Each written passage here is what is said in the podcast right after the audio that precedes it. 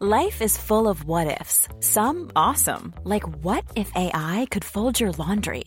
And some, well, less awesome, like what if you have unexpected medical costs?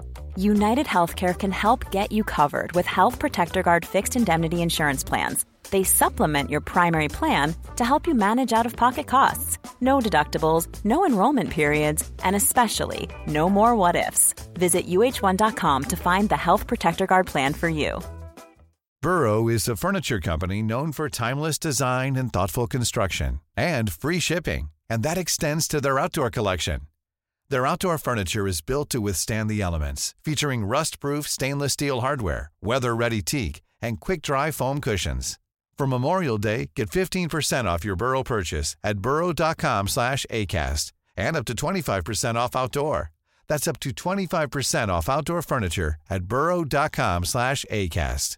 There's never been a faster or easier way to start your weight loss journey than with PlushCare. PlushCare accepts most insurance plans and gives you online access to board-certified physicians who can prescribe FDA-approved weight loss medications like Wigovi and Zepbound for those who qualify. Take charge of your health and speak with a board-certified physician about a weight loss plan that's right for you. Get started today at plushcare.com slash weight loss. That's plushcare.com slash weight loss. plushcare.com slash weight loss. Drytech jobbar för en stark teknisk utveckling. Vi tillgodoser den snabbt växande IT-marknaden med avancerade brandvägsfunktioner, trådlösa nätverk och IP-telefoni. Med fokus på säkerhet tillverkar Drytech routers för slott och koja, för bonde och patron. Givetvis med stöd för både PC och Mac. Uppdatera till Drytech du också.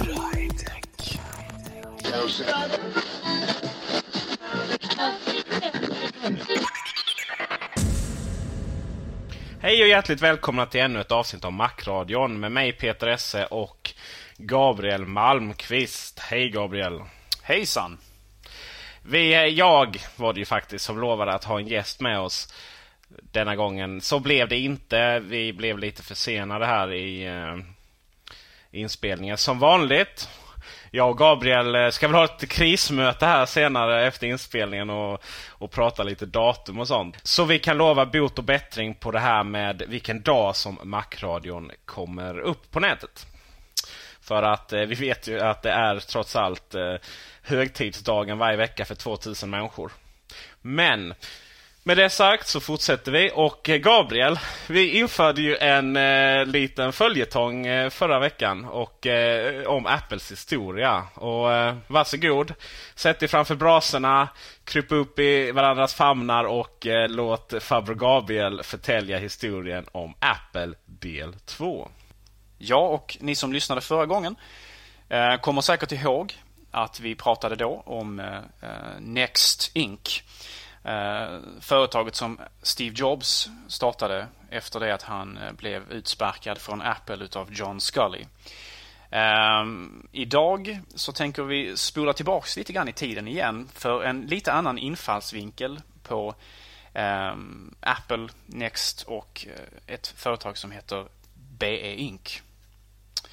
1981 Två år innan Steve Jobs värvade John Scully till Apple så anställde man en man vid namn Jean-Louis Gazet som chef över Apples satsningar i Frankrike. Jean-Louis Gazet hade tidigare arbetat åt Hewlett Packard och hade där gjort sig känd som en karismatisk och visionär ledare. Det visade sig snart att detta hade varit en mycket lyckad rekrytering och eh, Jean-Louis Gazet blev så uppskattad inom Apple att han sedermera utsågs av John Scully att ta över rollen som chef över Macintosh-gruppen år 1985 när Steve Jobs tvingades lämna företaget. Som chef över Macintosh-gruppen blev Jean-Louis Gazet den största motståndaren till idén om att licensiera dess operativsystem, Mac OS, till andra intresserade datortillverkare. Gazet ansåg att Macens hårdvaruplattform var vida överlägsen konkurrenterna och menade på att den så skulle förbli även i framtiden.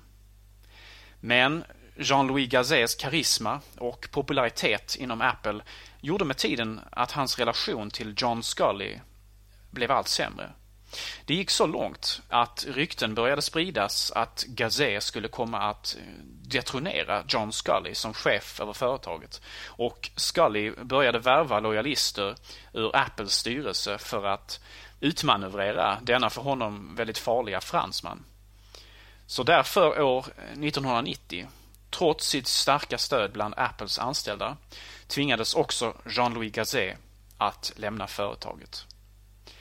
Precis som Steve Jobs hade gjort bara en handfull år tidigare så beslöt sig Jean-Louis Gazet för att starta en egen konkurrerande datorplattform med hjälp av talanger som han rekryterade från inuti Apple. BE Inc såg dagens ljus.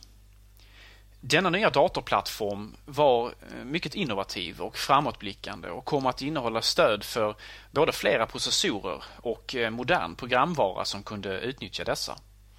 Datorn kom att kallas BE-box och det medföljande operativsystemet kom att kallas för BE-OS. Men samma marknadskrafter som hade motverkat Next Computer kom också att motverka marknadsetablerandet av BE-box. Därför tvingades så, så småningom BE Inc att överge ambitionerna på en helhetslösning. Och medans BE-box skrotades så portades BEOS till konkurrerande system såsom Apples Macintosh och dess klontillverkare. Men det var för Jean-Louis Gazets BEOS, precis som det var för Steve Jobs Next Step. Tiden höll på att rinna ut för alternativa operativsystem. Då vill jag faktiskt avslöja att jag är gammal BOS-användare. Stolt sådan. Det var, man kan säga att det var BOS som tog mig ur eh, Windows-träsket en gång i tiden och eh, fick upp, gjorde att jag fick upp ögonen för eh, alternativa operativsystem. Och eh, även om BOS faktiskt inte gick att använda i praktiken av den enkla anledningen att det saknades mycket av den mjukvara som man kräver för att kunna använda dator så att säga. Och eh, webbläsaren var ju till exempel helt värdelös. Eh, men det var det som gjorde i förlängningen att jag, jag fick upp ögonen för Apple sen. Så eh, det har vi en fransman att tacka. Det fanns ju, precis som du säger, en hel del problem med programvaran. Jag tror till och med att det fanns eh, inte ens eh, drivrutiner för skrivare och så vidare till, till plattformen. Och det här var ju liksom ett, ett av problemen för både då BE och Next. Eh, inte bara att man kunde liksom utveckla eh, hårdvara och mjukvara utan att man skulle få andra att faktiskt utveckla hårdvara och mjukvara som passade till de här datorerna. En stor, en stor anledning till att de här eh, plattformarna faktiskt aldrig blev så etablerade som de kanske hade potential annars att bli. Tack så mycket för det. Och från historia till nutid. De senaste Macbook och Macbook Pro har ju kommit i, i hetluften allt mer och mer. Det har varit lite problem med dem, så är det alltid. De är löst. Det kommer en uppdatering på eh, klickplattan. Problematiken nu för någon dag sedan bara. Och eh, gångjärnen får väl folk eh, helt enkelt stå ut med att de kommer ner, eh, gör att skärmen eh, eh, faller i huvudet på dem då och då. Det är detaljer. Men nu senast så har det kommit fram till att om man har en eh, Macbook Macbook Pro eller Macbook Air med DisplayPort Eh, kontakt och försöker spela en eh, film köpt på iTunes Store och har en skärm som eh, är en VGA-skärm är den fulla korrekta felbeskrivningen. Då går inte detta. Då får man bara ett felmeddelande i iTunes som säger att skärmen saknar HDCP-stöd. HDCP är någonting som har varit med oss ett tag nu. Det var faktiskt när jag köpte min plasma-TV för ett herrans massa år sedan. Måste väl vara nästan fem år sedan nu. Då var den av de, en av de första som hade HDCP på, på DVI-kontakten. Och det är liksom ett sätt att skydda mot den här hemska, hemska, hemska piratkopieringen. Eh, det är ett sätt att kryptera så att det går liksom inte att ta ut signalen från de här eh, från de här filmerna som spelas. Och eh, ja, Det är ett sätt att skydda sig. Och det finns alltså uppenbarligen i alla HD-filmer som säljs på iTunes Store. Inget som vi svenskar behöver bry oss om med tanke på att vi inte har tillgång till HD-filmer på iTunes Store. Men det är fortfarande riktigt jävla irriterande. Det är alltså så att köper man Alltså återigen drabbas man som betalande och laglig kund av svårigheter som piratkopierare inte gör. Köper man en film på iTunes Store kan man uppenbarligen inte använda en VGA-skärm That's it. Det går liksom inte och kommer aldrig gå. Utan man måste ha en skärm som antingen har DVI och stöd för HDCP eller Apples nya skärm med Display Connector. Men piratkopierar man så har man inte det problemet. Så då är frågan, varför straffas man som kund i den här branschen när det i alla, när det i alla andra branscher är ett mervärde att betala för sig? Eh, musik och filmindustrin brukar jämföra piratkopiering med att eh, snatta en fysisk vara i butik. En jämförelse som jag tycker är helt barock för att det är ingenting som försvinner. Att piratkopiera är inte att sno någonting, det är att begå ett upphovsrättsbrott. Men om man tar den här jämförelsen och applicerar på detta, då är det precis så som att de som snattar, de går fria. De som betalar för sig, det är de som hamnar i fängelse. Och eh, vi har i ungefär 14 av 15 avsnitt förklarat skiv och filmindustrins död. Och eh, det är knappast någonting som eh, jag i alla fall kommer att ta tillbaka utifrån detta. Oerhört upprörande. Lösningen är alltså helt enkelt att inte betala för sig. Vilket är ju knappast i linje med vad film och musikindustrin vill. Jag vet inte om det kanske kan komma någon slags eh, crack för de här filerna så att man teoretiskt sett kan köpa dem och sedan på något sätt plocka bort den här DRM Eh, det här DRM-skyddet. Eh, finns det någonting för just videofilmer utlagt på internet? Vet du det? Det finns ju, finns ju faktiskt som man kan ta bort DRM-skyddet på köpta musik. Mm, ja, det, det vet jag precis. Det var det jag tänkte på. Men, men finns det någonting till Exakt, till men det har inte, kommit till, har inte kommit till filmer och, och det här är ju ett problem också för att musikfilm är någonting man äger ju men, men filmer, till exempel hyrfilm och sådär. Så att där kommer man nog Eh, eh där, där kommer man nog kämpa hårdare mot sådana skydd.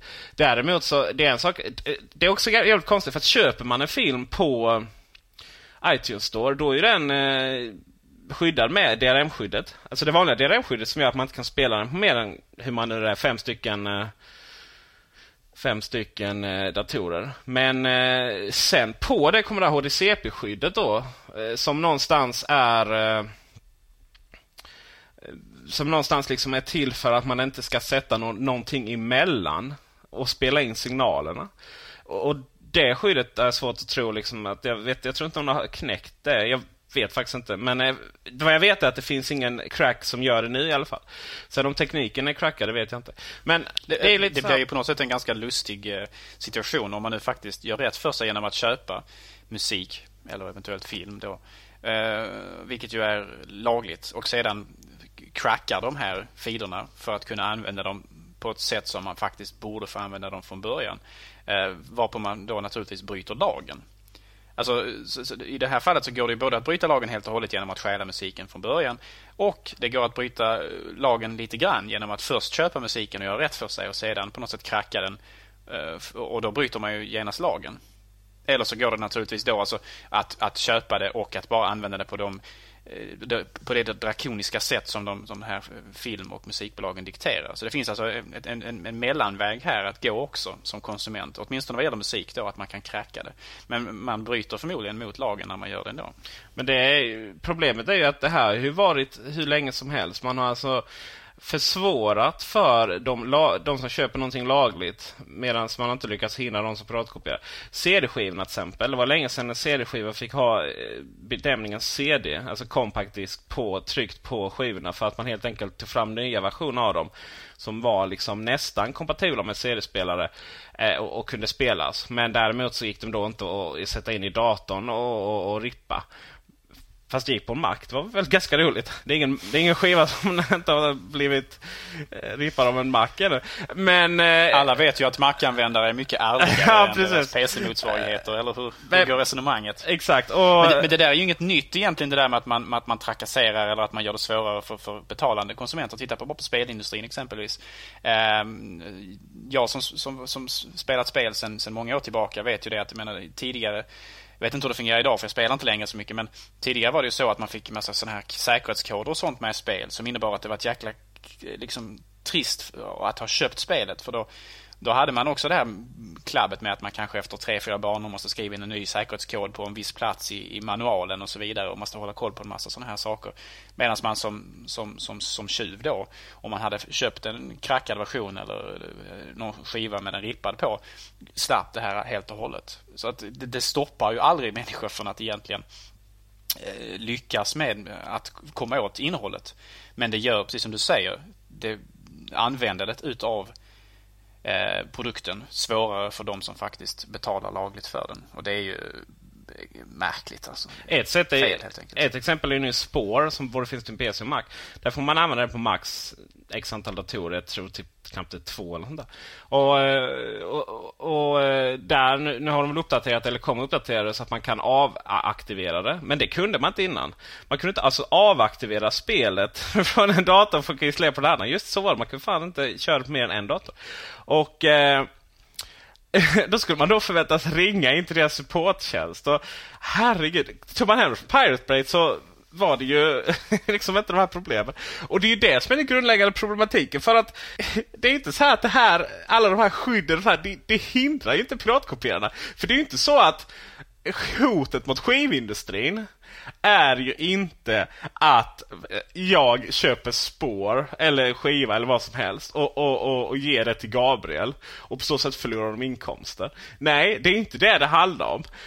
Det, utan vad det handlar om är ju att de här spelen, de här programmen, de här filmerna, de här musiken läcker ju ut redan innan.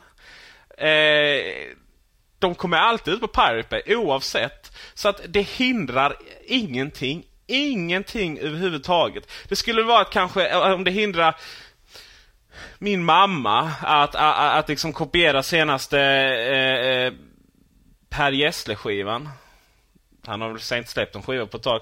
Men och, till, till, till, precis, till min moster liksom. Och, men den lilla marknaden är helt orelevant. Så att herregud. Kan inte någon lyssna på oss? Lösningen på filmindustrin och musikindustrins problem är inte att göra det svårare för betalande kunder. Utan lösningen är att man skapar tjänster som är bättre än vad piratkopierarnas tjänster är. Det är så man kommer att vinna. Och folk är beredda att betala för sig. Att man laddar hem från Pirate Bay och, och så vidare. Det handlar inte om att man är eh, snål eller fattig, eller, eller fattig. Utan det handlar om att det är enklare att få tag på material från de områdena än vad det är att få tag på dem lagligt. Herregud, jag har inte lust att eh, eh, springa ut och köpa CD-skivor mitt i natten om jag vill kolla på en film. Det, dessutom är det stängt. Och dessutom i fysisk media. Vi, vi, vi har en miljödebatt idag som är ganska eh, bra tycker jag. Och att frakta DVD-skivor halva jordklotet stup i kvarten är inte på något sätt bra mot miljön. Så lösningen är återigen, man skapar tjänster som är lätta att använda, inte svårare. Och det är ganska naturligt egentligen. Ja, jag håller med dig eh, till det mesta du säger där. Jag är inte riktigt så eh, kategorisk att jag är villig att säga att ingen hade eh, eller att alla hade köpt musik och film om det hade varit tillgängligt på det sättet som vi önskade. Utan ja, det finns säkert en viss del av befolkningen som hade piratkopierat oavsett för att man är, är lite snål eller kanske vill, mm, vill eh, man vill komma åt musiken gratis helt enkelt. Så att jag, jag tror nog att det finns en viss, ett visst svinn för nu film eller musikbranschen faktiskt räkna med i det fallet. Eh, men jag vet inte hur stor den marknaden hade varit, alltså den förlorade inkomsten hade varit egentligen. Men eh, jag hoppas ju ändå att man på något sätt kan göra världen bättre för oss ärliga snarare än de oärliga. Ja, givetvis håller jag med. Det finns alltid folk som eh, kommer att pratkopiera och inte betala för sig. Men det är alltså samma studenter, är det ju oftast då. Teknikintresserade människor som, som inte har några pengar. Det är ju samma studenter som eh, körde med sina blandband på 80-talet och sina brända skivor på 90-talet. De kommer alltid göra det. Och, och, men de, återigen, de får sin musik från andra ställen än grannen. Liksom. Så att, eh, och sen så, det handlar ju om att eh, man ska använda tekniken. Den här diskussionen har ju varit liksom sedan mänskligheten föddes. Typ man, man ser ny teknik som ett hot när det i själva verket är en tillgång. Jag menar, Spotify är ett lysande exempel på hur man kan få folk att betala jag menar 99 kronor i månaden, det är ingenting. Det, det kan ju vem som helst betala för att få tillgång till Eh, Eh, för att få tillgång till så mycket musik. Problemet är ju att all musik inte finns där. Problemet är att det inte finns någon köpknapp. Så att eh, är, det, är det någon musik man gillar där som man vill ha in till iPoden. Ja, då kollar man först eh, på eh, iTunes då. Där finns inte det heller. Nej, nej, då är det något snålt jävla skivbolag som tycker att digital nedladdning är det värsta som finns. Och därför så släpper vi inte den. Nej, nej, okej då. PirateBay.com var det ja. Ja, där fanns den. Och så att återigen, alltså man kommer tillbaka till det va. Liksom att någonstans har man, jag tycker det är att Det är lite som i USA som har man en skyldighet att eh, eh, i USA har man en skyldighet att skydda sitt, sin upphovsrätt, alltså sin copyright. Det är liksom inte själv, det är inte som i Sverige där man allting är upphovsrättsskyddat utan man måste aktivt skydda sin copyright. Man måste skriva copyright 2000 blaha blaha på sina webbsidor och så vidare för att göra det. Man måste stämma arslet ut varenda människa som någon gång hotar den. Just för att man som förväntas aktivt skydda sin copyright. Och jag tycker det borde vara lite så för industrin också att köpare måste göra allt man kan för att säljare, nej förlåt, säljare måste göra allt man kan för att eh, köpare ska komma åt musiken. Man ska liksom inte kunna styra in det och, och så va, utan man måste göra precis allt man kan. Man måste lägga ut och använda alla kanaler. Och gör man inte det, då har man ta mig tusan förbrukat sin upphovsrätt. Tycker jag. Så är det ju inte givetvis. Men jag tycker det borde vara så. Ja, jag tycker, eh, eh, som du, som du nämner här, Spotify är ju... Spotify är liksom ett, ett, ett utmärkt exempel, och iTunes Store till viss del också, på att där har man verkligen lyckats göra det enklare för de som är laglydiga. Eh, därför att användargränssnittet och, och farten med vilket man får ner musik, exempelvis då från dessa två tjänster, är ju ofantligt bättre och snabbare än att hitta det på Pirate Bay. Eh, om, man är, om man vet vad man får Eh, när man väl laddar ner det också. Att man vet att det är rätt spår, att det är bra musik och sådär. Alltså det är bra kvalitet och sådär. Så att de, de, de här sakerna är, är ju på något sätt ändå eh, halvvägs där. De här, de här tjänsterna. Men det är DRM och de begränsningar som DRM faktiskt ålägger oss som är problemet. Och därmed så eh, var den diskussionen sammanfattad och avslutad. Hoppas vi bara att någon lyssnar på oss. Nästa diskussion att ta upp är MMS. Denna fantastiska uppfinning som har gjort att vi svenskar kan skicka fyllebilder på oss eh, till både höger och vänster. Och eh, iPhone, eller Apple framförallt är det ju då såklart, som har fått väldigt mycket kritik på att det inte finns MMM i den här telefonen. Vilket jag tycker är helt fantastiskt. Men det är lite som diskettstation faktiskt. Men eh, nu så visar det sig att ett svenskt bolag har tagit fram en MMS-applikation som på något sätt snart säkerligen kommer att finnas i App Store. Eh, via operatören på något sätt. Det är inte helt känt men alltså företaget finns. De har tagit fram en applikation och Telia har bekräftat till Macworld faktiskt av alla tidningar på den här jorden att det, det, det är på väg. Och... Eh, och... Eh, en känga mot konkurrenten där. ja, visst. Man måste ju nyttja sitt media, sin mediadominans. Eh, men det var faktiskt väldigt roligt att, för det spred sig också lite på runt jordklotet sådär. Och Darren Fireball, vår idol där, John Gruber, skrev om det.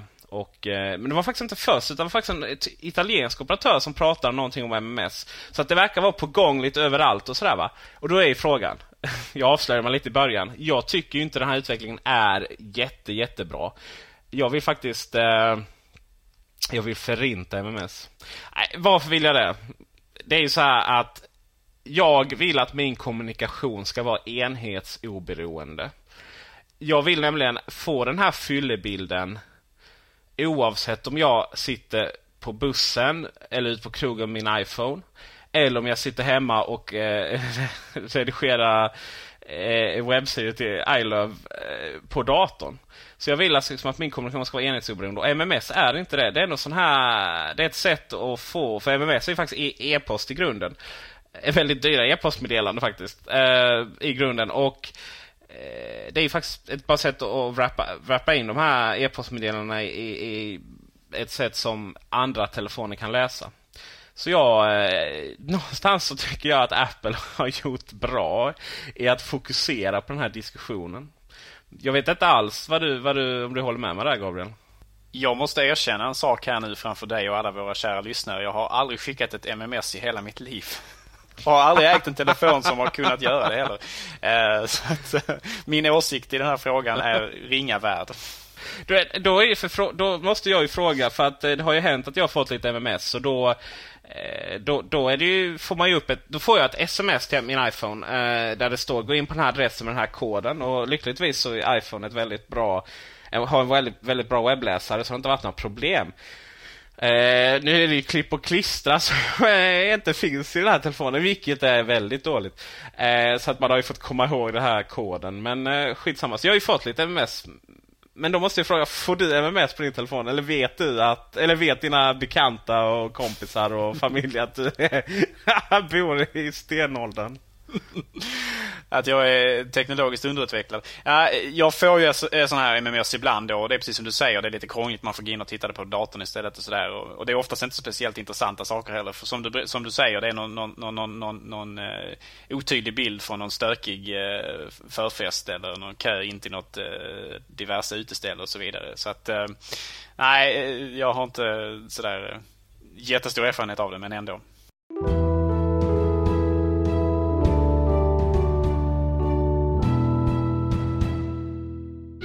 Drytech jobbar för en stark teknisk utveckling. Vi tillgodoser den snabbt växande IT-marknaden med avancerade brandvägsfunktioner, trådlösa nätverk och IP-telefoni.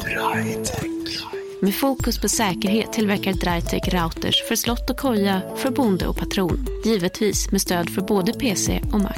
Uppdatera till Drytech du också. Apple har eh, varit väldigt eh kommunikativa i deras nya roliga tjänst kan man kalla det på Apple Store, deras egna butik på nätet.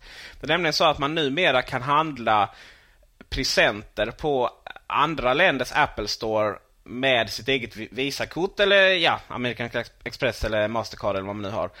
Så länge leveransadressen är i det landet då. Det betyder att jag kan handla presenter till om jag har en syster utomlands eller något sånt där. Va? Nu har jag inte det. Ja, eller nästan. Hon bor i Ronneby.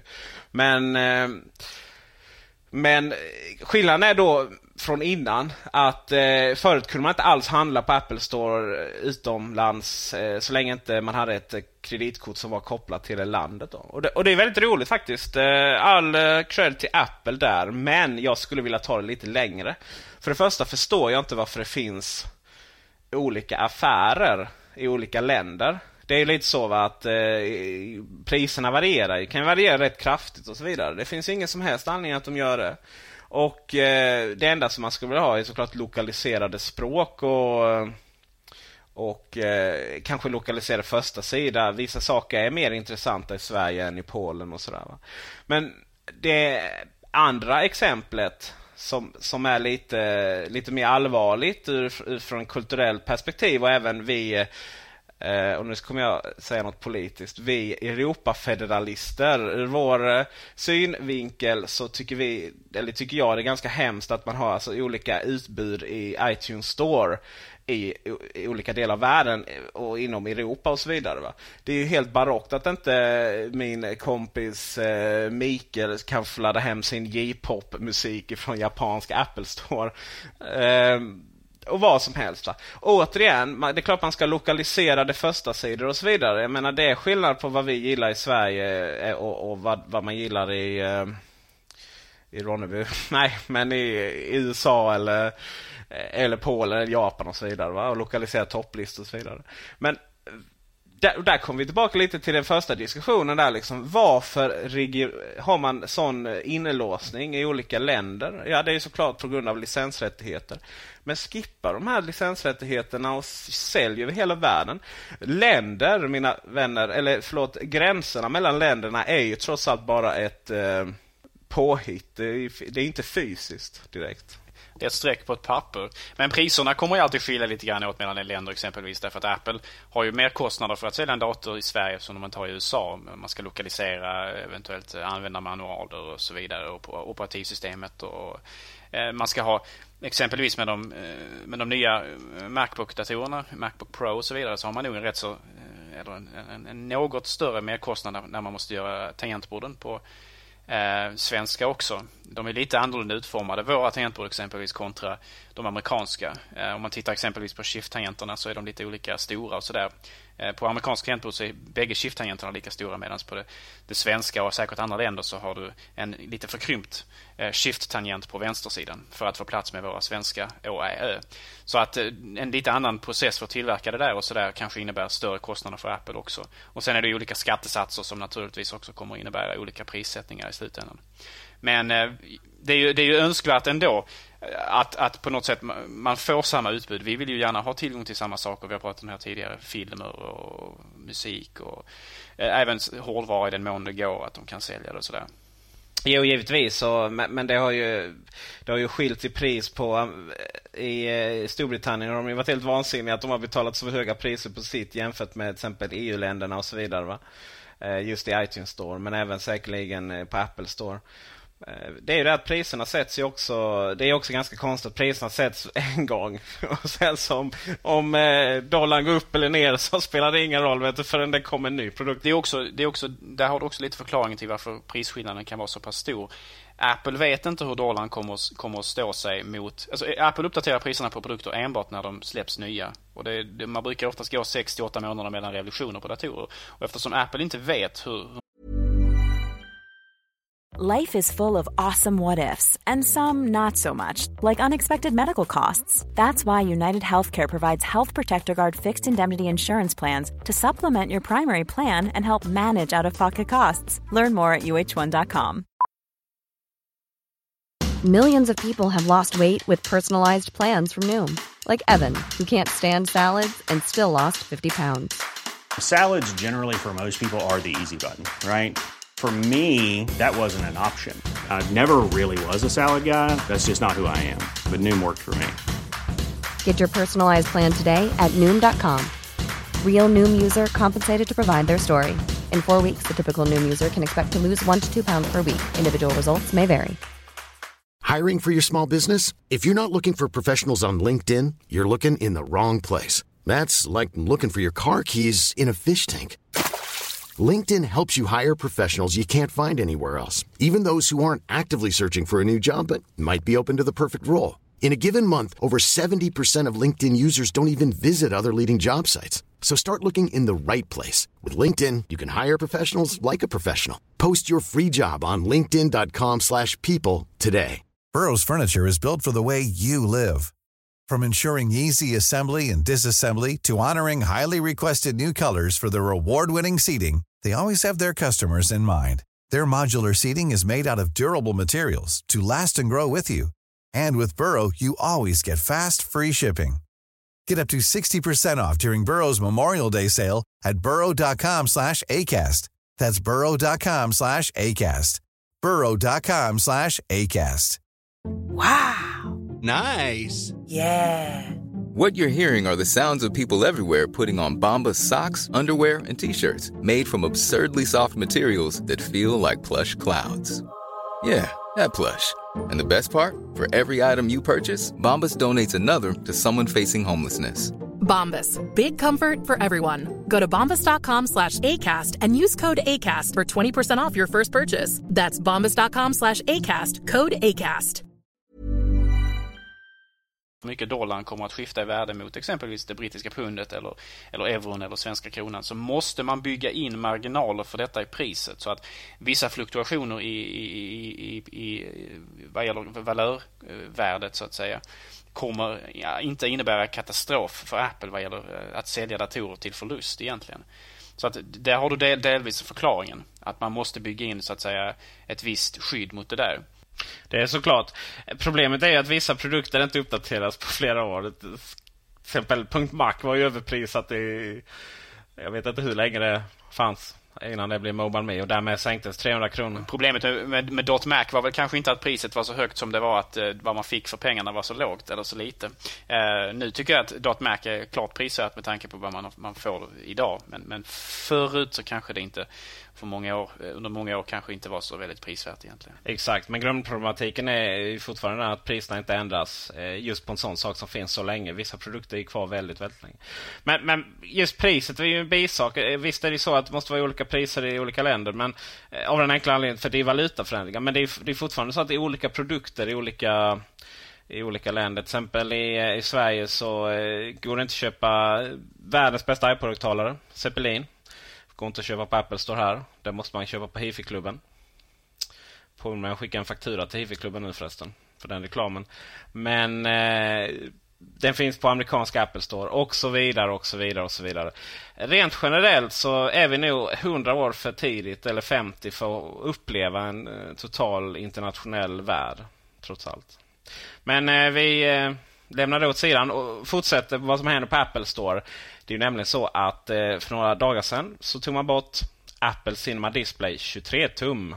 Och eh, ja, varför gjorde man det? Jo, givetvis för att det har kommit en ny 24-tum som är riktigt fet. Men problematiken är ju att den passar bara de nya mackarna med DisplayPort.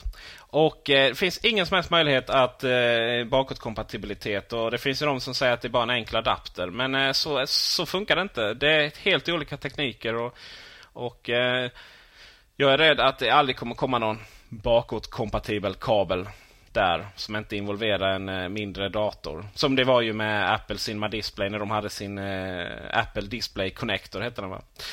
Eh, tusen spänn för en adapter. Det var härliga pengar. Men eh, då, då, var det så att det gör ju inte så mycket för man har ju, man har ju alltid gamla Apple Cinema Display och eh, nej det har man inte. 23 tum är borta och givetvis är det bara en tidsfråga innan 20 och eh, 30 tum också försvinner. Och uppdateras med en med andra, eh, andra skärmar. Jag menar en 30 tum LED-skärm. Det är du. Det blir inte billigt. men det kanske inte ens blir så. Men designen blir väl det i alla fall och då, eh, men då, då, försvinner ju det här argumentet att, man, eh, att det finns bakåtkompatibilitet. Och, och då är det ju ganska uppenbart att vi kommer att få se nya datorer. Givetvis så eh, kommer man inte ha kvar eh, eh, Mac Pro idag. Ska man köpa en Mac Pro då kan man alltså inte beställa en skärm till. För att det är ju faktiskt så att 30 tum är ju ingenting man köper som vanliga skärmar och 20 tum är för lite. Herregud, man kan inte sätta en 20 tums skärm jämte en Mac Pro. Då är den mindre än datorn. Det ser ju estetiskt helt åt skogen ut. Eh, och eh, så det föranleder väl, vad, säger, vad har Apple sagt? Det kommer inga nya datorer innan jul. Nej, men det gör det säkert strax efteråt. Eller vad? Det är väl Macworld San Francisco som vi får väl se fram emot i så fall. Det kan väl tänkas komma ny hårdvara där eller i närheten av, av denna händelse åtminstone. Ja. Men det, det, du beskrev tidigare om att Apple vill att lämna liksom, gamla kunder därhän. Det är ju eh, Apples modus operandi. Det, det är någonting man gör konstant. Det har man gjort. Eh, det är en av de egentligen de mer kärnfulla eh, kritiken som man kan rikta mot företaget. Att man kanske är väl snabba med att eh, överge kunder som ganska nyss köpte hårdvara ifrån Apple mm, genom att introducera nya standarder som inte alls på något sätt eh, är bakåtkompatibla. Men å andra sidan så är det faktiskt ett sätt att gå vidare ganska snabbt vilket ju också har lett till, till en viss framgång. Ehm, jag menar att Windows Vista är ett sånt havsverk är ju av den enkla anledningen att man eh, man behövde bakåtkompatibilitet. Att eh, ja, Mac OS 10 var ju till viss del var bakåtkompatibel också genom Classic-miljön men det var ju inte riktigt samma sak. Sådär, va? Och, eh, och många program fungerade inte. Och jag eh, kallar mig fanboy men eh, jag gillar nog ändå att man, eh, att man gör på det här sättet så att man faktiskt kommer vidare faktiskt väldigt snabbt. Och eh, jag eh, riktar väl ingen jag riktar väl ingen jättekritik mot Apple för det här agerandet utan det är väl snarare att, att, att man kan räkna ut att dels kommer det nya datorer och dels så är det bara att inse faktum att eh, de nya skärmarna inte är kompatibla med de gamla datorerna. Ja, och på tal om skärmar då Peter, så har jag faktiskt en eh, liten förfrågan som jag tänkte eh, ställa till våra lyssnare. Det är nämligen så här att jag är lite intresserad av att veta hur Apples bärbara skärmar eh, hanterar spel nu för tiden. Eh, på Apples hemsida när man tittar på Eh, skärmspecifikationerna så framgår det aldrig riktigt hur snabba skärmarna är i uppdatering då. Eh, om de har 2 millisekunder, 4 millisekunder, 5, 10, 12 eller vad det nu kan vara. Alltså hur bra de hanterar väldigt snabba spel utan så kallad ghosting och sådär. Ehm, och eftersom inte Apple vill ange det här så tänkte jag att vi kanske kan vända oss då till vår, till vår lyssnarbas och ehm, efterlysa lite feedback om det här. Så ni som har Apples datorer, det kan gälla både bärbara men naturligtvis också iMacar och så vidare. Eh, ni som och kanske har spelat då lite, sådär, lite snabbare spel som skjutarspel och sådär, pang-pang-spel på dessa. Kan inte ni gå in på macradion.se och lämna lite feedback vad ni har för datormodell ehm, och hur ni tycker att spelen flyter på på dessa skärmarna.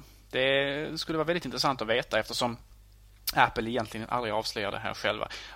Till viss del av en god anledning därför att olika tillverkare av skärmar och datorer har olika sätt att mäta det här så att det är väldigt svårt att egentligen komma till någon slags konsensus vilken skärm som är bättre än en annan. Eh, så att det, på, på sitt sätt är det svårt att, att ärligt representera det här på, på pappret. Men det, på något sätt så borde man erfarenhetsmässigt kunna lära sig ändå eller liksom märka vad som fungerar och inte. Så om ni har möjlighet, eh, gå gärna in på macradion.se och lämna en kommentar till den här veckans podcast. Eh, så får vi försöka reda ut det här. Ja, och på tal om aktivt deltagande i spel. Uh, nu passar jag på här och eh, uh, utnyttjar mitt uh, Mac-imperium. Macspel.nu som eh, uh, för, för övrigt ligger den nya logotypen där som blev riktigt bra gjort av Vanne Blixt. Uh, ehm, vi söker lite mer uh, aktivitet där. Vi, uh, jag och Christian Nielsen som, som kör Maxspel, vi uppdaterar ju ungefär varannan dag. Det finns inte så mycket Kanske ibland inte så mycket att skriva om mer än så. Men eh, vi skulle ändå behöva, vilja vara några till. Och, och, gärna folk som letar nyheter och kanske skriver lite krönikor. Och, och, liksom så att vi får ett mer... Eh, det skulle vara kul om vi kunde få lite ett mer aktivt spelcommunity i, eh, i den här, i Max-Sverige. Så att eh, gå in på maxspel.nu så har jag skrivit en liten artikel där om hur man kontaktar mig. Det är inte mer än så att man kontaktar mig sig på petrsa.me.com för att spela. Så att, eh, ja. Två utmaningar. Berätta för Gabriel om hur man eh, hur det är att spela på de nya Macbookarna. Och är ni intresserade får ni gärna gå in på Macspel och kolla lite om ni kan vara intresserade och skriva lite. Men eh, Gabriel, när vi ändå pratar spel. Jag, jag är lite besviken på dig där. Alltså, jag försökte få dig att spela World of Warcraft. Minns du det? med, med, ringa framgång. Jag, jag provade väl en halvtimme, gav det en chans, eller hur? Jag var inte speciellt eh, entusiastisk eller speciellt övertygad. Men många är det, har jag förstått. Nej, det var ju mer än en halvtimme. Jag, vi försökte ju någon dag där, men du, eh, nej.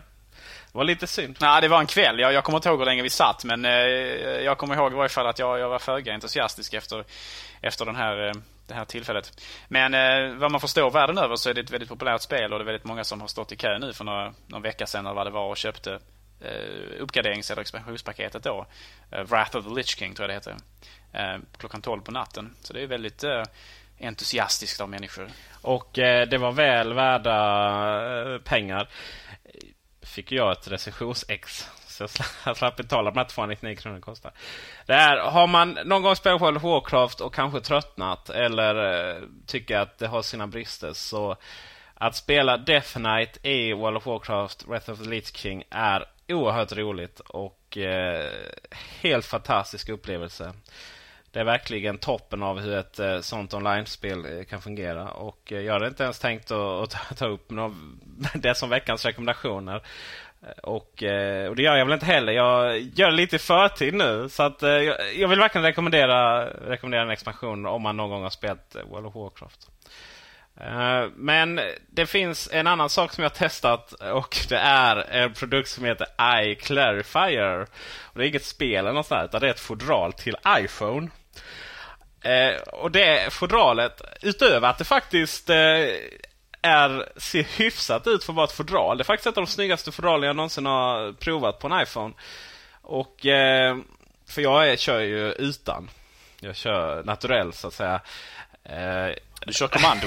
ja, precis. Jag tycker det är mycket snyggare. Eh, men eh, om man vill ha ett fodral så, så är det verkligen helt okej. Okay. Men eh, varför ett fodral i eh, mängden? Eh, och varför heter det iClarifier? Jo, för att det har en liten lins till eh, kameran som man kan sätta på. En makrolins. Eh, som är till för eh, de på webbsidan. Så jag har de exempel om man vill fotografera visitkort. Det är väldigt analogt i och för sig. Va? Men å andra sidan kan inte iPhone skicka kontaktuppgifter mellan, mellan eh, telefonerna. Så att det är väl det bästa sättet att göra. Så vill man, vill man fotografera text väldigt nära så funkar det riktigt, riktigt bra faktiskt. Eh, oerhört förvånad att en liten plastgrej framför kameran kan göra det så mycket mer tydligt. Men eh, ja, nu väntar vi bara på ett teleobjektiv till iPhone. Vi får se när det kommer. Det är bara att skicka in till Macradion så rekommenderar vi det också. Det blir ett iPhone för paparazzi då. Ja, och då var det alltså dags för veckans rekommendationer. Den här veckan så tänkte jag rekommendera ett program som befinner sig lite grann emellan två extremer. Vi har tidigare pratat om iWeb som ett väldigt lättanvänt eh, Eh, what you see is what you get gränssnitt för eh, utveckling till webben. Uh, och uh, på andra sidan då, lite mer hardcore, så finns det då exempelvis texteditorer som BB-edit och Smultron och sådär för de som vill skriva sin egen kod när de webbutvecklar. Och så där någonstans i mitten då så befinner sig ett program som heter Coda. Coda är alltså någon slags kombination lite grann mellan de här två världarna. Som tillåter mm, användaren att skriva eh, Eh, hacka HTML och CSS och så vidare. Men som samtidigt har ett alldeles utmärkt eh, eh, preview-läge eller som visar upp vad, vad som sker och eh, kodar och även inbyggd FTP-möjligheter och så vidare. Så att man, man har nästan egentligen en, om man är villig att skriva kod för att utveckla till webben så är Coda ett alldeles utmärkt alternativ och ett väldigt kompetent sådant ur alla, egentligen alla aspekter vad gäller programmering för internet. Så Coda från eh, den amerikanska utvecklaren Panic som också har levererat det alldeles utmärkta FTP-programmet Transmit. Det är veckans rekommendation för mig. Och eh, jag vill spela vidare på den rekommendationen eh, och säga att gå in på deras webbsida och läs eh, historien om deras ljudprogram som höll på att bli iTunes. Riktigt spännande faktiskt. De på Koda verkar vara, vara riktiga coola killar faktiskt. Ljudprogrammet heter Audion. Big in Japan. Var det. Och själv vill jag berätta om den nya sajten i mitt växande imperium. macktv.se. Och eh, det man kan, kan man säga motsvarigheten eh, till Macradion i eh, rörlig bildvärlden. Tanken är att vi, det produceras en hel del videomaterial till iLove. Guider för att komplettera vissa artiklar och så vidare. Och dessa kommer vi att köra ut som podcast. Eh, på iTunes Store givetvis. Och eh, även lägga upp dem som eh, video på mactv.se. Och det är alltså mactv.se. Och eh, med det så är vi klara för denna gången. Ständigt ett nöje att få producera Macradion och eh, vi är riktigt skitglada för alla kommentarer. Och vi tycker verkligen det är roligt att ni uppskattar eh, de förbättringar som vi gör. Med tanke på att eh, ljudet har blivit lite bättre, vilket ju är Andreas Nilssons stora förtjänst. Och eh, det har blivit lite ny musik eller nya ljud emellan eh, mellan sektioner och avslut och intro och så vidare. Och det är också hans förtjänst. Och är det någon musik som ni gillar, som ni hör, så är det antagligen han som har gjort den.